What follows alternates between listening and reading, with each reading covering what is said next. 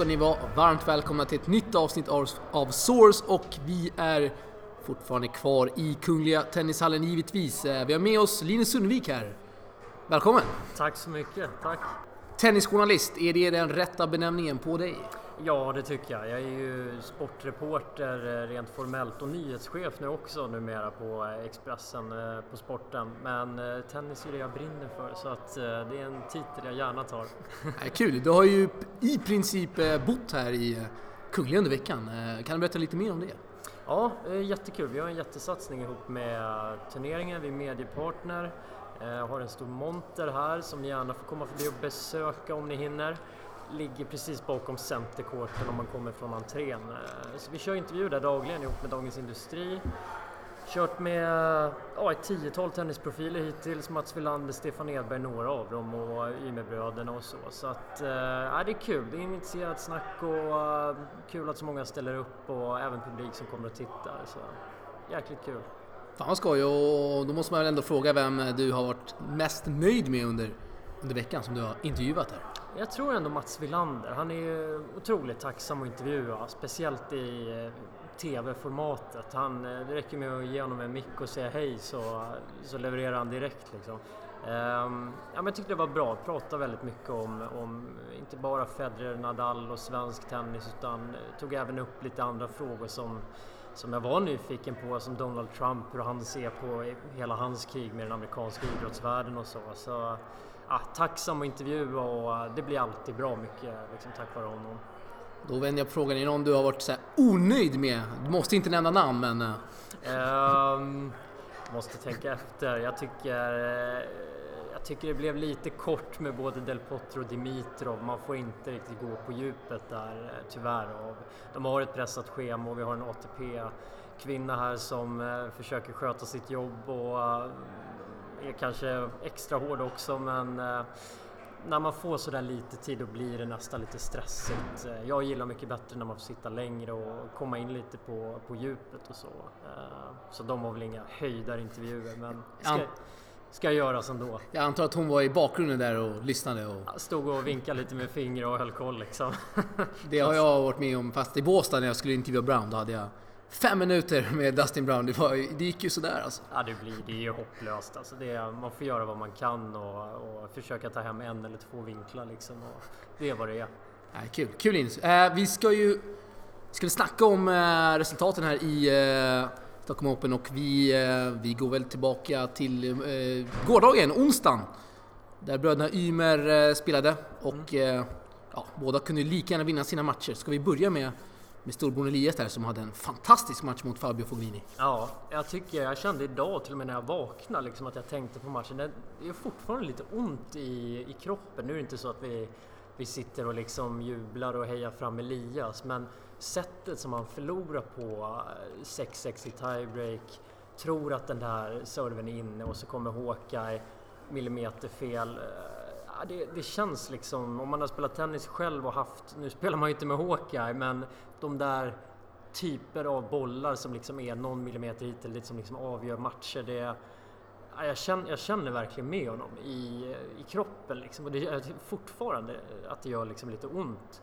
Eh, jag är helt övertygad om att han hade vunnit. Han hade momentum just då och hade han fått den där servicet med sig hade han sopat hem matchen. Ehm, så det, den, den var väldigt speciell. Sen allt som allt gör han ju en, en bra match. Aldrig sett han serva så bra. Eh, vi har hört liksom att han stått och nött med Robin i USA. Någon sa 17 dagar i sträck. Syns verkligen att han um, förbättrat sin serve, Även- andra serven lite bättre. Så att ja, det var positivt ändå. Allt som allt får man ju säga trots en sån eh, smärtsam förlust. Han räddade ju några matchbollar där och det var kanske 20-30 slag under de två matchbollarna som, eh, som han räddade. Det var ju...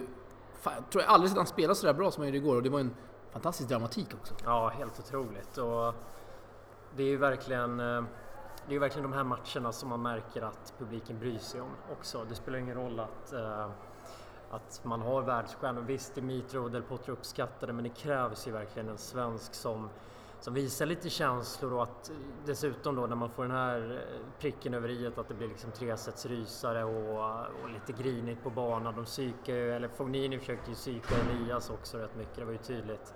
Får man de där ingredienserna så blir det ju, ja, det blir ju super liksom. Det, det blir lite elektriskt faktiskt i Kungliga fortfarande.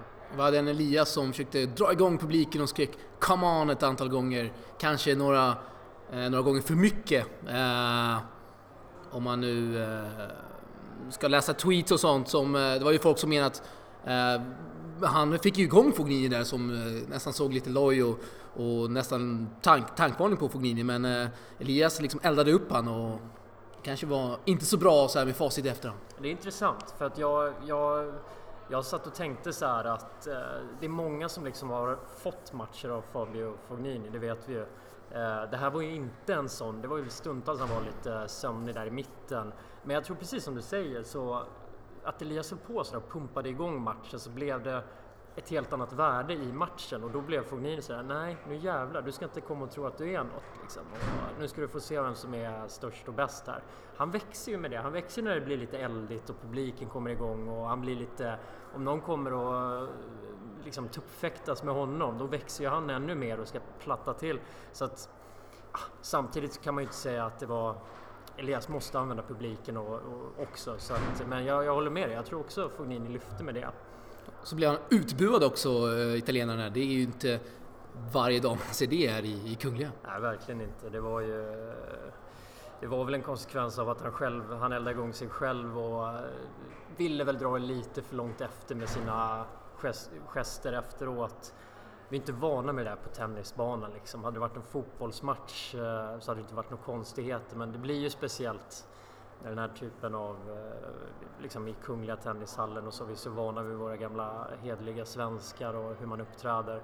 Ehm, och så hade vi ju minst sagt speciell intervju efter matchen med honom också. Som Herregud alltså, vi, vi kan väl gå in på den direkt alltså. Ja, du har, ju transkriberat den också. Du har väl fått lite... Ja, det har varit bra på. spridning på den. Jag skrev en transcript där och översatte den till, till, till engelska. Det, alltså, vad är det för svar han ger Fognini? fruits and herrings, dykes and fairies. Tell me where it's empty.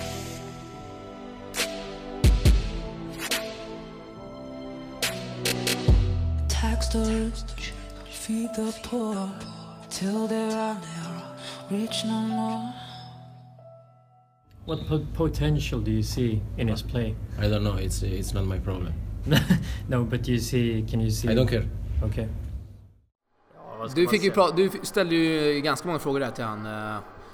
Eh, jag tycker att eh, jag tycker att han, han, eh, det fanns inte riktigt någon anledning från honom som vad jag kunde se. Jag vet inte om det har hänt något på hemmaplan eller något eller om han, han kommer till intervjun, eh, kollar i mobilen eh, liksom i en halv minut och sen tittar han upp. Ah, okej, okay, nu kör vi. Vi står liksom och väntar lydigt på att han ska bli klar med sitt.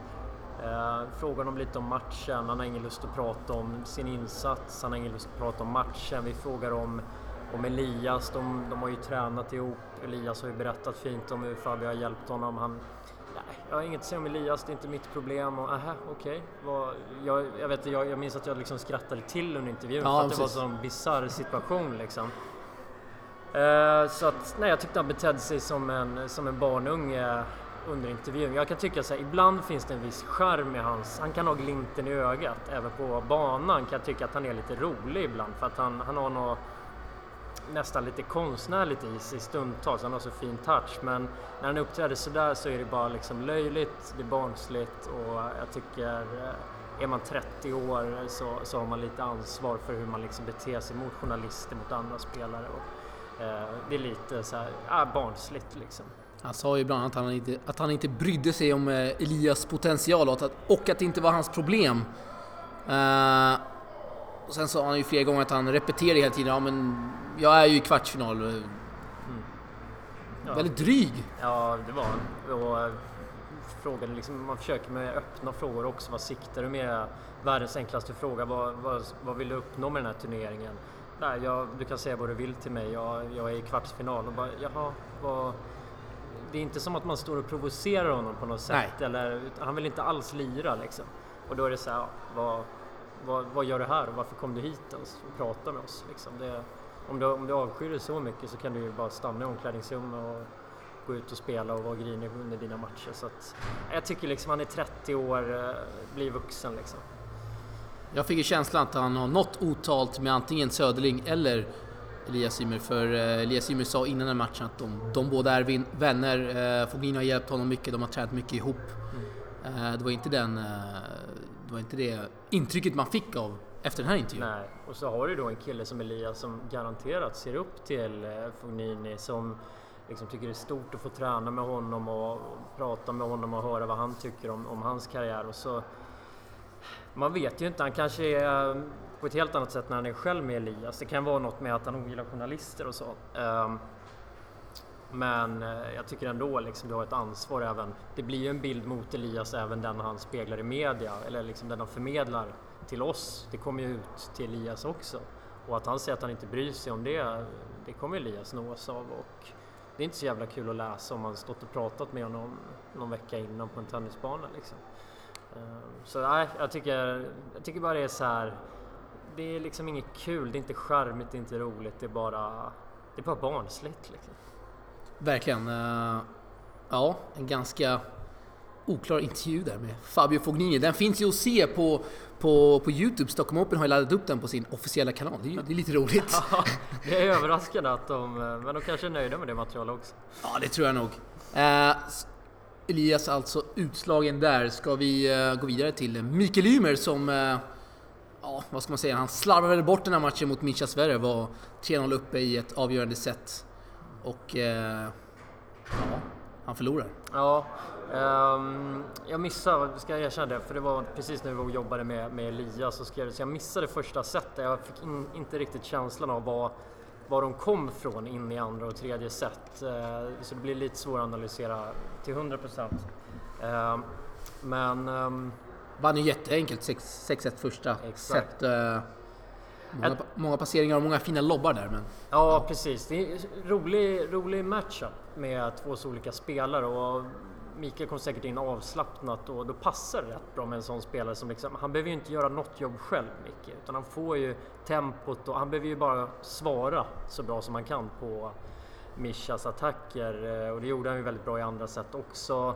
Sen tyckte jag man kände rätt tydligt att Mischa Sverige hade, vi vet ju att han har så många fler växlar i sig. Jag tror han var lite överraskad. Han är väl rätt van vid att få tempo, eh, alltså få liksom kraften mot sig och kunna liksom attackera på den. Och det, det kan ju vara lättare för då får du inte lika mycket betänketid framme vid nätet.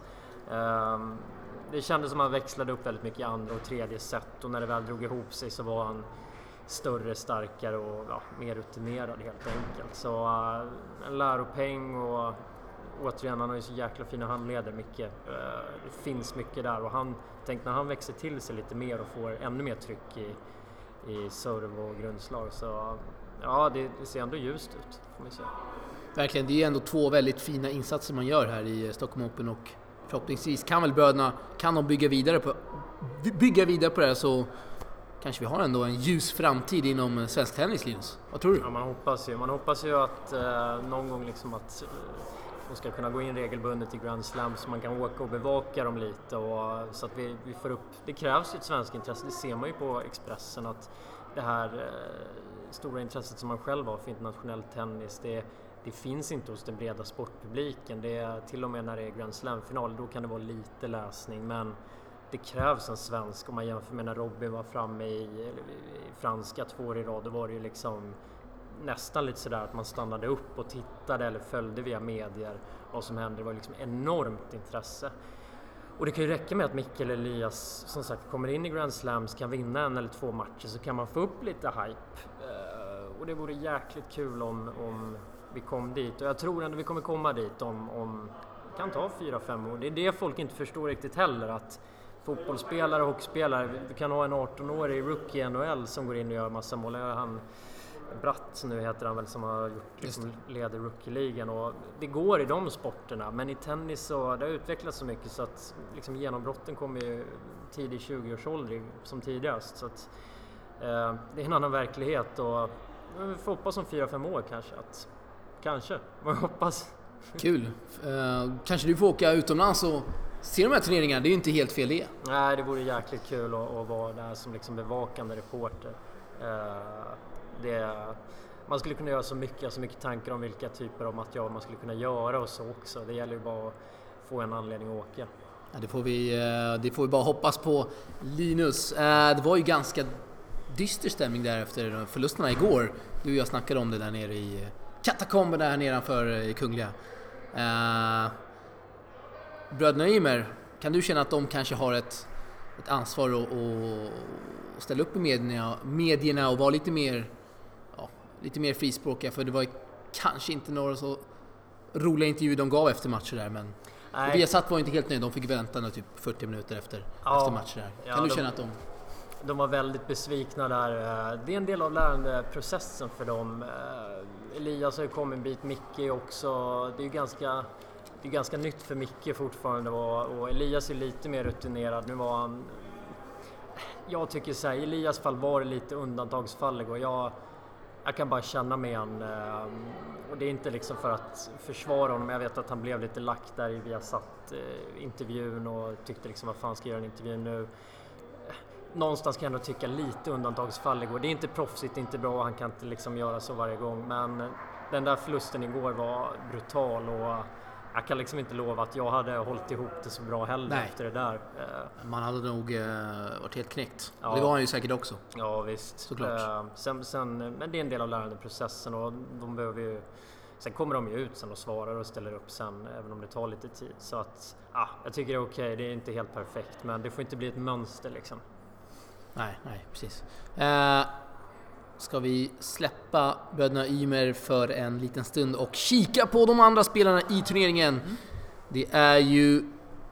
Ja, det är ett ganska bra, det är ett bra startfält Stockholm Open har i år. Mm. Uh, Jack Sock hade väl inte en så tuff uppgift igår. Uh, där han vinner tämligen enkelt. Mm. Såg du den matchen eh, Linus? Det var inte många som var kvar där på kvällen, Nej. det var ju sista matchen. Ja, jag missade rätt mycket av eh, den matchen för jag höll på att stöka in en sista text där. Uh, kan inte säga så mycket om Stocks insats hittills mer än att jag såg honom i dubben idag. Bra träff, bra tryck, passar honom skitbra med den här banan med tempot. Han kan bli... Jag var lite så här frågetecken för hans form inför turneringen. Um, men jag tycker han liksom, så som han har sett ut hittills av det jag sett så är det ju som sagt passar perfekt på banan och han är på hugget. Kan faktiskt se att han ställs mot Fognini här nu i eh, kvarten. Den är spännande. Där kan det smälla rätt rejält. Och ja, det är en popcornmatch. Ja, det är en popcornmatch. Men den spelas ju imorgon eh, halv två.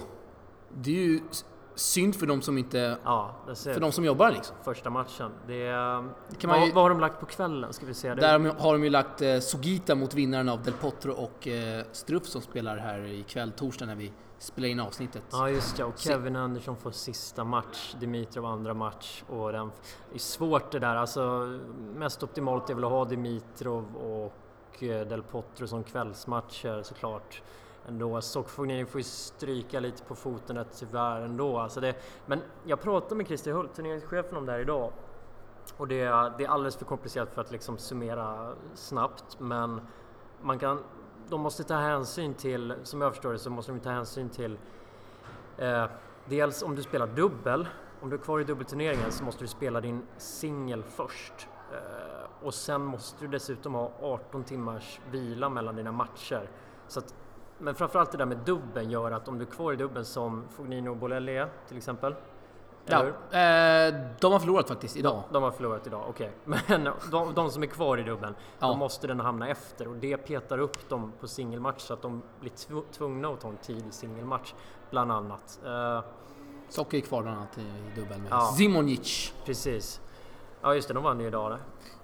De är ju, jag tror de vinner, men... Eh, mm. Fan vad bitig han är, Simonic. Han är väl 42 nu kanske, 41 i alla fall. Legend inom dubben, ja. Simonic. Ja. Robbans tidigare kamrat där va? De drog Dubbel. inte helt jämnt vet jag. Inte? Nej. Um, ja, Robban har pratat lite om det där, men det var uh, två starka individer. Man behöver en plus och en minuspool. Uh, inte två pluspooler kanske. Nej, Robban har ju haft några partners genom åren, men uh, Han saknar väl tiderna med Tekau kanske? Ja, då, då glödde han faktiskt. De var bra. Han behöver nog en lugn... Eller jag tycker alltid det har funkat som bäst från haft en lugn, stabil person bredvid sig. Ehm, ja, han är ju rätt stark själv liksom i sin personlighet. Verkligen. Och eh, ganska anmärkningsvärt är väl ändå att de fyra bästa sidade paren i dubbel är vidare. Eh, alla spelar semifinal och de åtta eh, bäst sidade i singeln, om nu Del Potro vinner mot Struff, Ja. kommer ju spela kvartsfinal. Det är, jag kan ju inte minnas det hände senast i Stockholm Open. Kan du det Linus? Nej, det är helt otroligt. Det är, det är sällan man ser det. Sällan man, jag tycker liksom mer sällan man ser det nu för tiden också. Det var mer så förr, har jag en känsla av. Eh, vad kan man säga om det egentligen? Att, att det är kul på ett sätt, man kan ju se det som... I grund och botten så är det ju ett, ett ganska jämnt startfält och man får väl se det som att favoriterna kommer bra förberedda, de levererar. Um, Del Potro har väl varit största frågetecknet. Det ska bli intressant att se när vi spelar in innan hans match uh, om hans handled håller och att uh, man hoppas ju det. Um, men det är, ju, det är ju lite unikt faktiskt. Jag vet, jag noterade att det hade hänt på i en damturnering för några år sedan, två, tre år sedan. Då var det sådär och då skrev, jag tror vi skrev om det till och med att alla sidor var vidare både i dubbel och, och singel. Men, äh, men favoriterna levererar helt klart. Äh, man hade ju hoppats på någon av Ymer-killarna som Ja, verkligen. att de skulle varit skrällen men Vilken grej om eh, båda hade gått vidare igår. Herregud. Eh, men det är ju bra anledning för den svenska tennispubliken att komma ner hit imorgon och i helgen och kolla på bra tennis. absolut. Det är ju de här som ska dra det liksom. Och Fognini, ja, jag tycker det blir spännande att följa honom eh, också. Han har ju sett bra ut. Jag tyckte matchen mot Elias var väl okej, men, men ändå att han visar att han vill där och kämpa sig igenom den. Eh, nu kommer ju tuffare uppgifter. Ah, ja, alltså som jag sa innan, Dimitrov är, det är ju upplagt för Dimitrov tycker jag. Han, eh, så som han har sett ut och han har vunnit här förut, det har ju Del Potro också, men Dimitrov har en annan historia här. Jag är väldigt motiverad med ATP-racet och eh, ah, han ser bra ut. Jag tror det här passar honom perfekt och speciellt nu när det är ett litet frågetecken för Del Potros handled. Möter ju Mischa Zverev eh, imorgon va? Ja, det är en rolig match. Där kommer det bli... Alltså med, med tanke på kontrasterna och... och, och eh, där kan nog bli bästa matchen hittills spelmässigt. Kevin Anderson har vi inte snackat så mycket om, eh, inte alls tror jag i det här avsnittet hittills i alla fall. Eh, Grand Slam-finalist i US Open senast. Eh, vad tror du om hans chanser? Mötte ju Verdasco där i kvartsfinal. Ja. Eh, grund och botten så förutsättningarna med snabb bana ehm, och allt sånt eh, liksom med, med inomhus. Det är ju hans, det är hans uppgift, eller det är ju liksom hans skräddarsytt för honom en sån här uppgift. Lite frågetecken på formen då. Han har väl knappt spelat sen US Open va? Ehm, och ehm, har inte gjort så bra resultat här i Stockholm förut faktiskt. Det är Nej. lite anmärkningsvärt. Eh, kanske för att det har varit långsammare tidigare. Så det är ju plus på honom. Om han kommer in i det, såg rätt så stabil ut idag mot Chung. Verdasco ska han kunna städa av. Så kan det bli en semi där mot Del Potro. Får hoppas på det nästan. Det är en rätt intressant match. Verkligen. fight. Det är, det är popcorn Linus. Vad Ja, det säger är popcorn. Ja, jag håller, håller nog Dimitri och Sverige som den, det är den roligaste hittills på, på pappret faktiskt. Förutom svenskarna då. Och eh, vi ser nu här att Del Potro har eh, breakat i första gamet mot Struff. Eh, ska vi räkna hem den segern redan eller? Tyska är Struff. lite, lite, man vill ju se om, om, om man spelar med tejpad handled och så också ser du eh, om man är hemma. Han har ju inte kunnat slå sin... Han har ju börjat kunna slå sin tvåhandsbackhand igen och så, men man ser att han är hemma där. Det var ju... Alltså hans vev till forehand har alltid varit hans liksom, bästa slag, men eh, ja, är, kan du spela på 80% på din backhand så är, lider du ju liksom. Ja, verkligen. Eh, Del Potro alltså. Eh, Sorlet här i Stockholm Open, är lika högt som vanligt eller vad skulle du säga? Ja, bra fråga. Lajani fick väl gå in och kyscha några gånger här i Ja, Dimitrov Djanovic. Det beror ju lite på. Man, jag tycker bästa tempen kan man ta där på fredag nästan. Då är det ju liksom AV. Då händer det grejer där uppe. Precis, AV-läge, kan eh, ramla lite glas och eh, skojas och garvas från, från, eh, från vad heter det, baren där. Eh, där brukar man kunna känna liksom hur hög tempen är den här veckan. Det är ju ganska, det ska man ju säga, alltså så här dagtid när vi hänger här och, och så, det är ju väldigt lugnt liksom. Det, det har ju väckts till liv lite idag och igår, eh, där vid fyra tiden.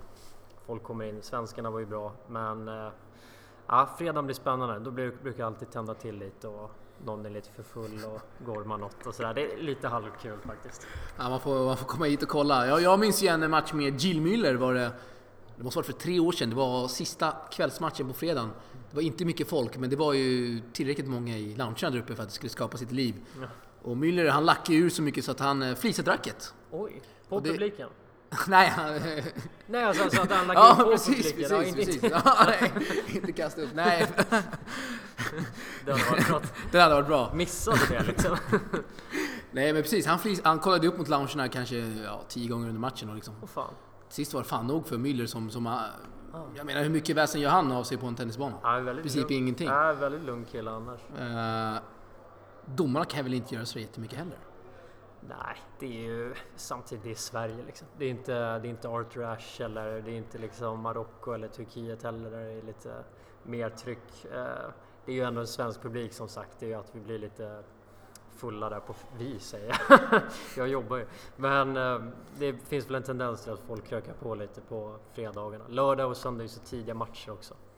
Arnesen gjorde ju något eh, inslag där med Stockholm Open för ja, ett, två år sedan där han sa “Please be quiet” och så drog han igång om att eh, det är respektlöst mot spelarna att det, det är så mycket ljud. Och jag kan delvis hålla, hålla med men eh, samtidigt är det Stockholm Open och de har ju mycket företag och mycket, mycket sådana grejer att ta hänsyn till också. Ja, jag vet inte om jag upplever att det är så. Jag har ändå varit här nu i liksom 15 år drygt. Jag har inte upplevt det som så irriterande ändå. Det är som sagt, det, det är ju fredagarna. Jag menar annars de här dagarna här, det är ju stenlugnt liksom. Alltså om man jämför med USA och, andra matcher, eller andra platser så Sydeuropa kan det bli mycket mer stimmigt liksom. Även Australien ser man ju en del de är igång. Så att, eh, ja möjligen fredagarna någon gång ibland men vad fan, lite, jag tycker tennisen li, lite mer ska ha, vi måste liksom hänga med lite i utvecklingen också med eh, att få med publiken och jämför man, jag menar jag jobbar mycket med fotboll, man jobbar med hockey och så här så det är ju, det är ju ett, ett liksom milspann mellan, mellan sporterna sett till publiken i hur man beter sig, uppträder och vad man skriker och så vidare. Så att eh, jag har inget emot att publiken liksom att det går i den riktningen och blir lite mer livliga och, och så. Sen ska det inte vara mitt i uppkastet och serven men Nej, liksom mellan precis. bollar och så tycker jag bara fan ös på liksom. Det var väl någon som skrek igår mitt, mitt under en eh, poäng där, Elias Ymer som... Ja, Var det ta- sista tiebreaket va? ja det var det va, det var lite stimmigt då. Eh, och sånt under bollarna så får man ju hålla, hålla sig i skinnet liksom eller, eller så men eh, annars får man ösa på tycker jag.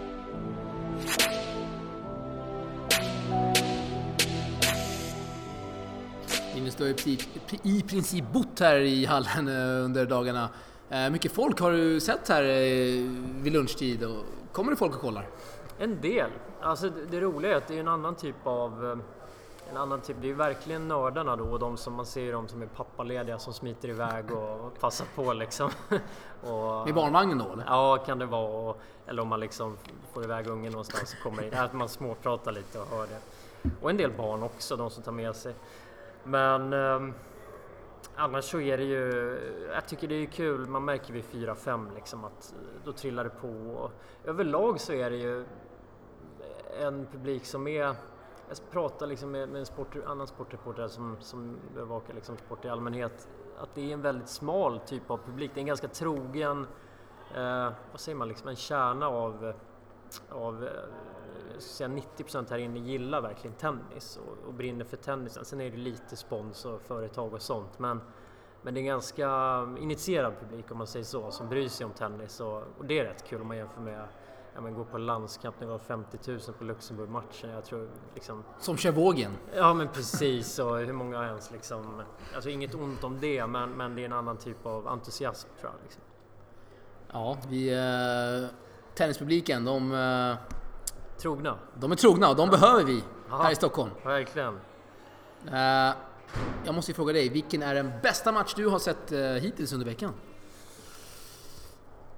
Ah, jag tar- ändå Elias match. Alltså spelmässigt så, så, så kanske... Ehm, spelmässigt så var nog... Eh, jag tyckte Fogninis match mot Kassiri var rätt bra och, och Sugita såg bra ut i premiären också. Men, men sett till dramatik och, och eh, hela den, liksom, den hade alla kryddor och med den där upplösningen så var det ju... Det är en match man kommer minnas rätt många år framöver liksom, tror jag också när det blev den... Alltså om man bär på en sån där känsla som jag beskrev tidigare så brukar betyda att det sitter i rätt länge.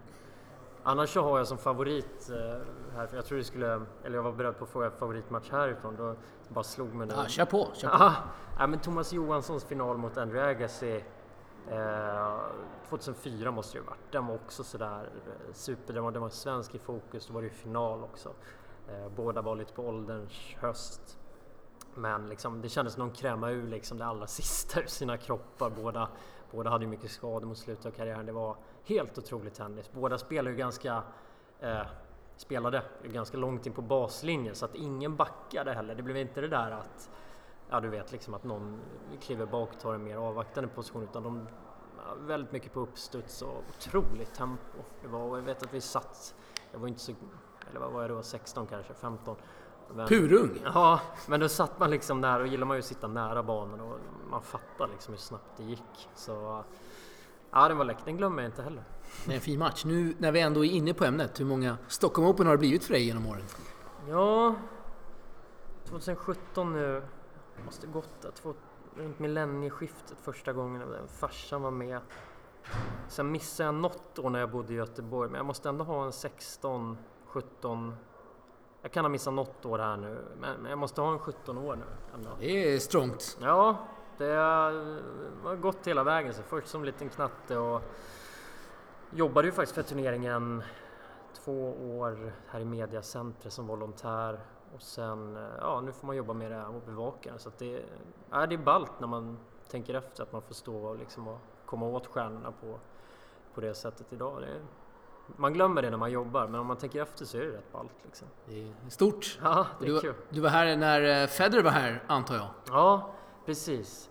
Var, jo, första året när han ställde in, eh, då var jag med och jobbade för mediadelen här. För då minns jag att vi blev uppkallade på läktaren, det måste varit lördagen eh, inför turneringen. Då satt vi där och så alla funktionärer skulle samlas och så fick vi veta att eh, Roger Federer kommer inte. Så det blev som en sån här, det hade börjat viskas lite om det, jag kommer ihåg också. Men om det var, jag minns inte om det var liksom Hult eller Wallén eller vem det var då, men som berättade och då blev det så här, nej. Kom det några tårar då kanske? Nej, inte, inte från, Inte från dig, men inte- från andra kanske? Ja, det blev rätt. eh, Det var en snackis hela den dagen så här. Men de sa det, han har lov att komma tillbaka. Så kom han ju tillbaka året efter och, och vann. Det ska han, han är ju fläckfri fram på alla plan, Federer. Och, och, ja, sånt där ska han ha cred för att han faktiskt kommer tillbaka sen och, och lirar. Han ville säkert inte komma efter Asiensvängen året efter, men då gör han det ändå för han lovat. Och, ja, det är sånt där som, det minns man ju också. Det blev ju en lyckad turnering minst sagt, när han, när han vann. Ja, det får man säga. Då, då glänste han verkligen. Hur, eh, nu det här, med det här snabba underlaget i Stockholm Open, eh, tror vi kommer se det här underlaget kommande år? Verkar vara uppskattat av spelarna i alla fall. Ja, De har snabbat ja, upp precis. Ja, precis. Jag tror det. De har ju rättat sig efter kommande turneringar också, Basel, Paris och London. Det är exakt samma, det är de här greenset som levererar samma underlag till dem. Eh, jag frågar inte Simon Aspelin nu exakt, men det verkar som de hade ett avtal att köra på framöver. Så att det finns ju ingen anledning att gå tillbaks till långsammare underlag tycker jag heller. Det är speciellt nu eftersom de ligger i en liksom, jag tror bara det skulle få en motverkande effekt på spelarna eh, med att få hit dem om man skulle gå tillbaka till ett långsammare underlag. För att, så där, det är små detaljer liksom för, för publiken men det spelar en jäkligt stor roll tror jag om du är proffs. Du känner av det där direkt. Liksom. Mycket snack om RS-bollen också som verkar vara, vara ganska snabb där med och Mm. ganska lätt. Har, du, har du lirat med den?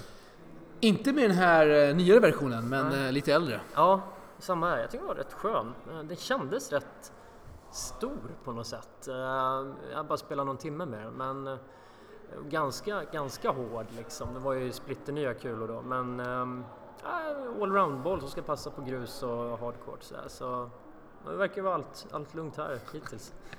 Ingen eh, Almagro som klagar på bollar. Jag minns att han, han var lite sådär... Eh, ja, man kan ju bara spekulera om han hade något emot Söderling, men förra året så var det så här ganska ganska synligt att, synligt att han hade något emot RS-bollen. Skulle Alltså, känna på den och klämma på den och höll på i ja, hela matchen. alltså, ja, jag noterar inte det, men det, det låter ju som det skulle kunna vara något sånt. Det, Södling har väl haft sina duster med spanjorerna, kanske framförallt Nadal, men eh, man vet inte, det kan ju vara så. Kanske Fognini också, vem vet?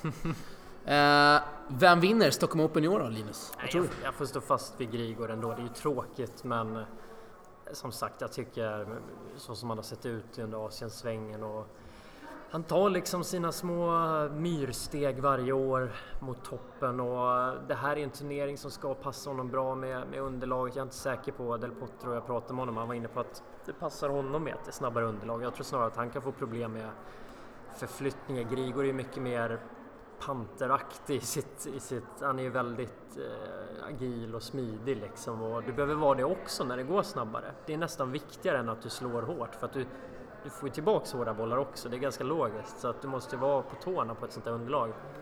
Jag tror han kommer... Eh, jag, skulle, liksom, skulle man lägga, lägga in en, en tuss på någon idag så skulle det vara Grigor. Jag säger Jack Sock, han verkar ju Ja. gilla Stockholm av någon anledning. Eh, Kul! Han har gått riktigt bra här, både singel och dubbel. Ja, varningsflagg på honom faktiskt, så som han såg ut idag. Om man kan ta sig an Fabio Fognini. Man vill ju bara snacka med han efter, efter den matchen, eller vad säger du Linus? Ja, då får vi gå ner och ta honom igen, se om han är sugen. Frå- köra Kan bli sam- några citat igen. Ja, köra samma. Vad tror du om turneringen? se vad han säger. Då. Vi, innan vi släpper dig ska vi ta några snabba frågor här. Eh, Trevligaste spelaren du har intervjuat? Vem är det? Oj. Oj, oj, oj. Genom alla dessa år. Åh, vad svårt. Jag noterar att eh, Juan Julien Roger, dubbelspelaren, bara poppade upp nu. Det Han är väl, ju, såg han på läktaren här nyss. Ja, eh, det var väl, vad kan det ha varit, några år sedan här i Stockholm. Det bara poppade upp nu i huvudet. Han var superödmjuk och närvarande och reflekterande. Eh, Finns en intervju, intervjun kvar någonstans att läsa? Eh, ja, det borde den göra. Jag undrar om inte det var någonting om Björkman. Det måste det ha varit. Han pratar väldigt mycket om Jonas. Det måste ha varit det året Jonas gjorde eh, comeback och, och lirade. Eh, det är väl den som poppar upp först i huvudet. Det finns säkert fler, men jag tyckte Dimitri var väldigt bra. Det kan han ha för att nu när vi körde honom i monten var väldigt, väldigt avslappnad och, och rolig och glad liksom också. Men ja, jag får, utan att komma på något bättre får jag dra, dra, dra till med Roger, en outsider. Jag har hört av många att han ska vara en jäkligt trevlig prick alltså. Så Mm. det, jag har någon belägg för den Linus. Han är väl med i någon, eh, är inte med i Players Council också tror jag? I alla fall, Mycket möjligt. Jag tror det. Påläst kille. Härligt, härligt. Uh, otrevligaste spelare då? Har du haft någon uh, obskyr intervju någon gång? Alltså jag får ta Fognini från den här turneringen. Det är faktiskt bland det, eh, bland det värsta jag varit med om i, och då har jag ändå jobbat nu i liksom fem år på Expressen och, och ganska många år med olika typer av intervjuer och det är faktiskt bland de eh, drygare jag, intervjuer jag har gjort liksom, den häromdagen. Eh, men någon som inte alls vill lira på, på vanliga frågor. Det, det var liksom inget eh, det var ingenting som skavde från början. Det fanns ingen anledning till att vara så tvär. Så att, eh, det, det är verkligen den som kommer upp i minnet först. Sen har det varit... Ja, jag behöver nog fundera lite på den. Men det, man har ju gjort sina dåliga intervjuer där det har blivit dålig stämning många gånger. Kan du berätta något mer? Man vill ju bara, Ja, vill man ju eh, höra. Jag kom jättedåligt på en intervju med McEnroe i Kings of Tennis. Jag vet att jag, han kom tidigt, jag skulle få en exklusiv intervju med honom. Eh, det var när han skulle komma och lira Kings of Tennis här i februari. Okej. Um, och så vet jag att jag var lite så jag brukar alltid vara i god tid, men så, så såg jag rätt länge och kom, kom typ 10 minuter innan intervjun och då hade de varit jättetidiga från Arlanda. Så då hade den, eh, och han skulle upp på rummet, så skulle vi ta den senare och då började han direkt säga, ja det var du som missade intervjun i morse liksom. Bara, ja, jo, men ni var ju tidiga också. Så bara, ja fast det är upp till dig. Alltså det blev lite så här dålig stämning direkt och sen eh, så vet jag, kommer inte ihåg exakt vad det var nu. Jag skulle börja med något krångligt spår, jag var dåligt förberedd. Ja, det blev riktig pannkaka alltså. Jag tror inte ens jag publicerade det. Eh, Den var rikt, riktigt. Stökigt med McEnroe alltså. Ja, fel kille att börja liksom argumentera med också. På engelska liksom. New York-kille. Nej, stelt. Det blev några svettdroppar där kan jag tänka mig. Ja, då var man pressad alltså. Det var man. Ja, shit. Eh, ska vi ta bästa turnering du har, du har sett live då? Vad svårt. fan om man inte skulle ta... Om man inte skulle ta... Jag har varit på Wimbledon men eh, inte varit på jättemånga turneringar annars sådär i Europa. Sett någon här och där lite. Jag tycker egentligen de bästa minnena är ju faktiskt härifrån Stockholm nu när man tänker efter. Kanske någon DC-match. Uh, eh, nej men jag skulle ändå lyfta fram de här åren med liksom, dels när, de här åren med finalen som jag snackade om, Thomas Johansson, den matchen, när Pimpin var med och sluggade eh, med sina serves och han hade sin lilla Södertälje-klack här. Jag måste ändå säga Stockholm där och det, man har varit här så mycket så det betyder ändå väldigt mycket. Mer för mig än Båstad. Båstad är så förknippat med bara jobb liksom. Men, ja, men jag skulle säga de här åren när vi hade med svenskar som var med och högg liksom i semifinal, final här och klampandet i bänkarna liksom och trycket. Det var ett jäkla bra tryck då också. Oj vad jag svär mycket hela tiden. Nej, det är ju vana med min kamrat Jakob här som är i Kalmar just nu och ja. pluggar. Det brukar bli några svordomar där men eh, det gör det bra i hans frånvaro. Ja tack. Ja, men ta ändå Stockholm Open faktiskt. Jag tar det. Härligt, härligt. Uh, har någon mer snabb kanske? Någon sämsta turnering du har sett live då? Kan det vara Båstad det med? Uh, kan man, om man inte varit på lite så här luriga challengers också. Men uh, det får väl vara någon, ta väl någon liksom, vet var någon båstupplaga för några år sedan när svenskarna rök direkt. När eh, Serena ställde in på damsidan i och för sig då. Men på här sidan vet jag där det var liksom, jo det var kastväder också sådär och Verdasco var på dåligt humör. Alltså jag, det ska jag säga också, jag har så dåligt minne alltså när det kommer till allt i livet så jag är så dålig med årtal men vi, förstår, vi förstår. Säg Båstad för några år sedan när, när svenskarna rök direkt och ja det var en rätt kass vecka publikmässigt dåligt också. Så, ja. Ja, härligt. Uh... Eller, inte så härligt kanske. Men nu, man, man, ska ta sig igenom dem också. Ja, så är det. Så är det. Uh, vet jag, turneringen i Båstad, Ericsson Open, den uh, lägger ner uh, lite spontant om, mm. om det. Det kanske har varit på känn lite de senaste, senaste åren. Ja, man har ju sett hur det har funkat. De har ju ska man säga, dopat uh, biljettförsäljningen lite. De har kört gratis inträde måndag till onsdag.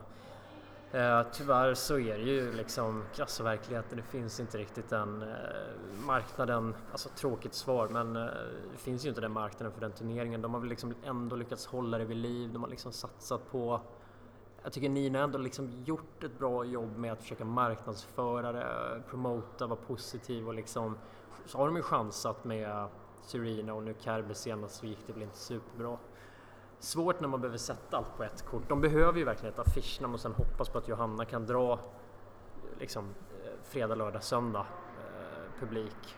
Då har det väl ändå sett okej okay ut men i övrigt lite trogna sponsorer som hållit i Catella och eller vad säger jag, um, Collector och, eh, och nu Ericsson.